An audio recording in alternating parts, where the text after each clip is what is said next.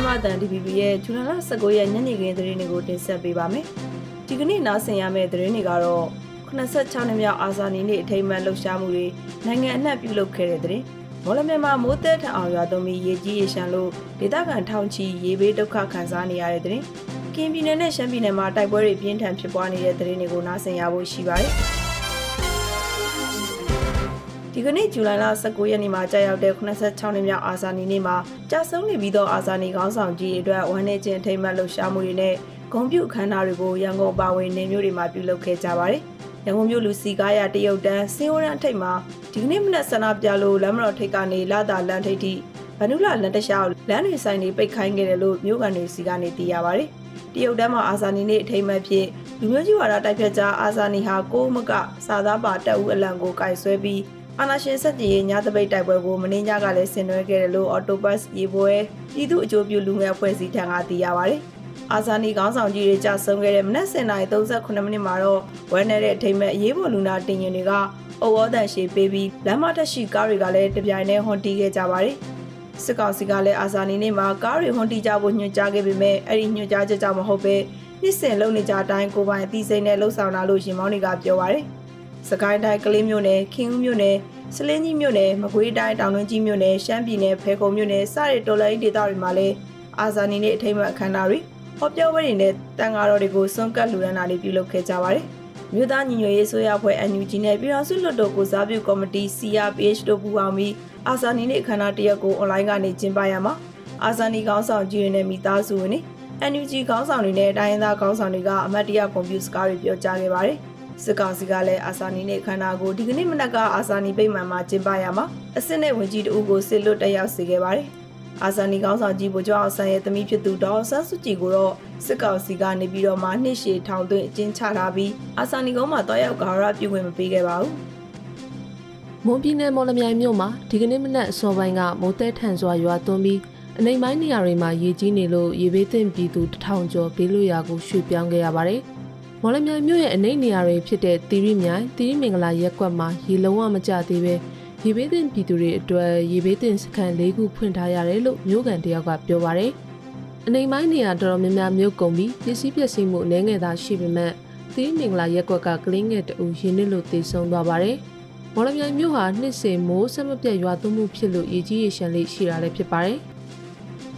ကင်းပြည်နယ်မြောက်ရီမြို့နယ်လက်ခတ်တောင်ဤတဝိုက်မှာ KNU ပူးပေါင်းတပ်ဖွဲ့တွေနဲ့စစ်ကောင်စီတပ်ပူးပေါင်းစစ်ကြောင်းတို့လက်နက်ကြီးလက်နက်ငယ်တွေနဲ့တိုက်ပွဲဖြစ်ပွားခဲ့ပြီးစစ်ကောင်စီတပ်ဘက်ကဗိုလ်ကြီးအဆင့်အရာရှိတဦးသေဆုံးကအခြားအဆင့်၅ဦးဒဏ်ရာရရှိခဲ့တယ်လို့ကျက်တင်တဲ့စစ်ကြောင်းပြန်ကြားရေးကနေသိရပါတယ်။ဇွန်လ18ရက်မနက်9နာရီလောက်ကစတင်က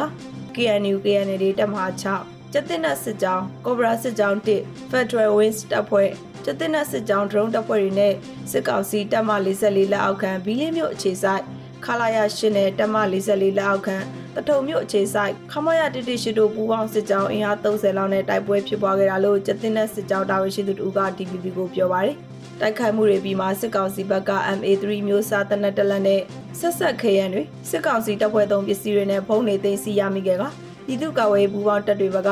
ရဲဘော်တူမစိုးရင်ရဒဏ်ရာရရှိခဲ့တယ်လို့သိရပါတယ်။ ရှမ်းပြည်နယ်မြောက်ပိုင်းကုတ်ခိုင်မြို့နယ်နန့်ဖက်ကရွာနဲ့နန့်အွန်ရွာကြားခုံမုံရွာအရှိဘက်ကကောင်းရဘွမ်ဒေသရှိစစ်ကောင်စီယာယီစခန်းတစ်ခုကိုဇူလိုင်လ18ရက်ညနေပိုင်းမှာ KIA တပ်တွေကတိုက်ခိုက်သိမ်းယူနိုင်ခဲ့ပြီးလက်နက်ခဲယမ်းပစ္စည်းအများအပြားရရှိခဲ့တယ်လို့ KIA ရှေ့တန်းနဲ့နှီးဆက်သူတွေစီကနေသိရပါဗျ။မနေ့ညနေပိုင်း၄နာရီလောက်မှာကချင်လူမျိုးရေးတပ်မတော် KIA ကကောင်းရဘွမ်မှာရှိတဲ့စစ်ကောင်စီတပ်စခန်းကိုလက်ရောက်တိုက်ခိုက်ခဲ့ပြီး နှစ်နာရီလောက်အကြာညနေ6နာရီဝန်းကျင်မှာအကုန်သိမ်းနိုင်ခဲ့တာလို့သူကပြောပါဗျ။နန်းဖက်ကရွာအနီးကဇီးတပံရွာမှာမနေ့ကညနေ9နာရီခွဲလောက်ကလက်နက်ကြီးကြီးကြားရောက်ပောက်ကွဲပြီးပြည်သူ၃ဦးထိမှန်ဒဏ်ရာရပြီးတော့တဦးသေဆုံးသွားတယ်လို့ဒေသခံတွေစီကနေသိရပါဗျ။မြမအင်ဒီဂျင်ထိုင်းနိုင်ငံမှာတော့ဝင်ကြီးချုပ်အဖြစ်ထပ်မံအရွေးခံရဖို့ပြင်ဆင်နေတဲ့ Move Forward Party ခေါင်းဆောင်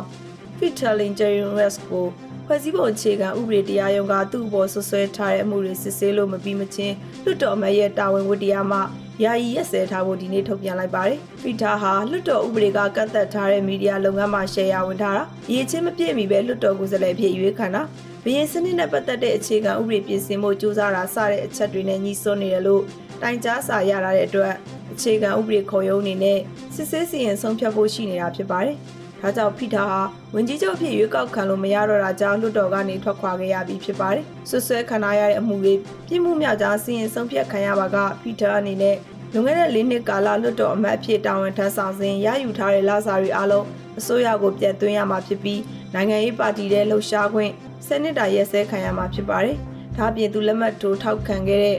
MFP ပါတီအမတ်တွေအားလုံးလည်း တရားမဝင်ဖြစ်ပြီးအခမ်းမသိမ်းကပါတီပါဖျက်သိမ်းခံရနိုင်တယ်လို့နိုင်ငံရေးလေ့လာသူတွေကသုံးသပ်ပါတယ်။အဆိုပါသတင်းကိုကြားသိရတဲ့နောက်ဖိထားကိုလာရောက်ဝန်းရံအားပေးသူတွေဟာမြို့သားလွတ်တော်ရှိကိုရောက်လာပြီးဒေါသတကြီးနဲ့အော်ဟစ်ဆန္ဒပြနေကြပါတယ်။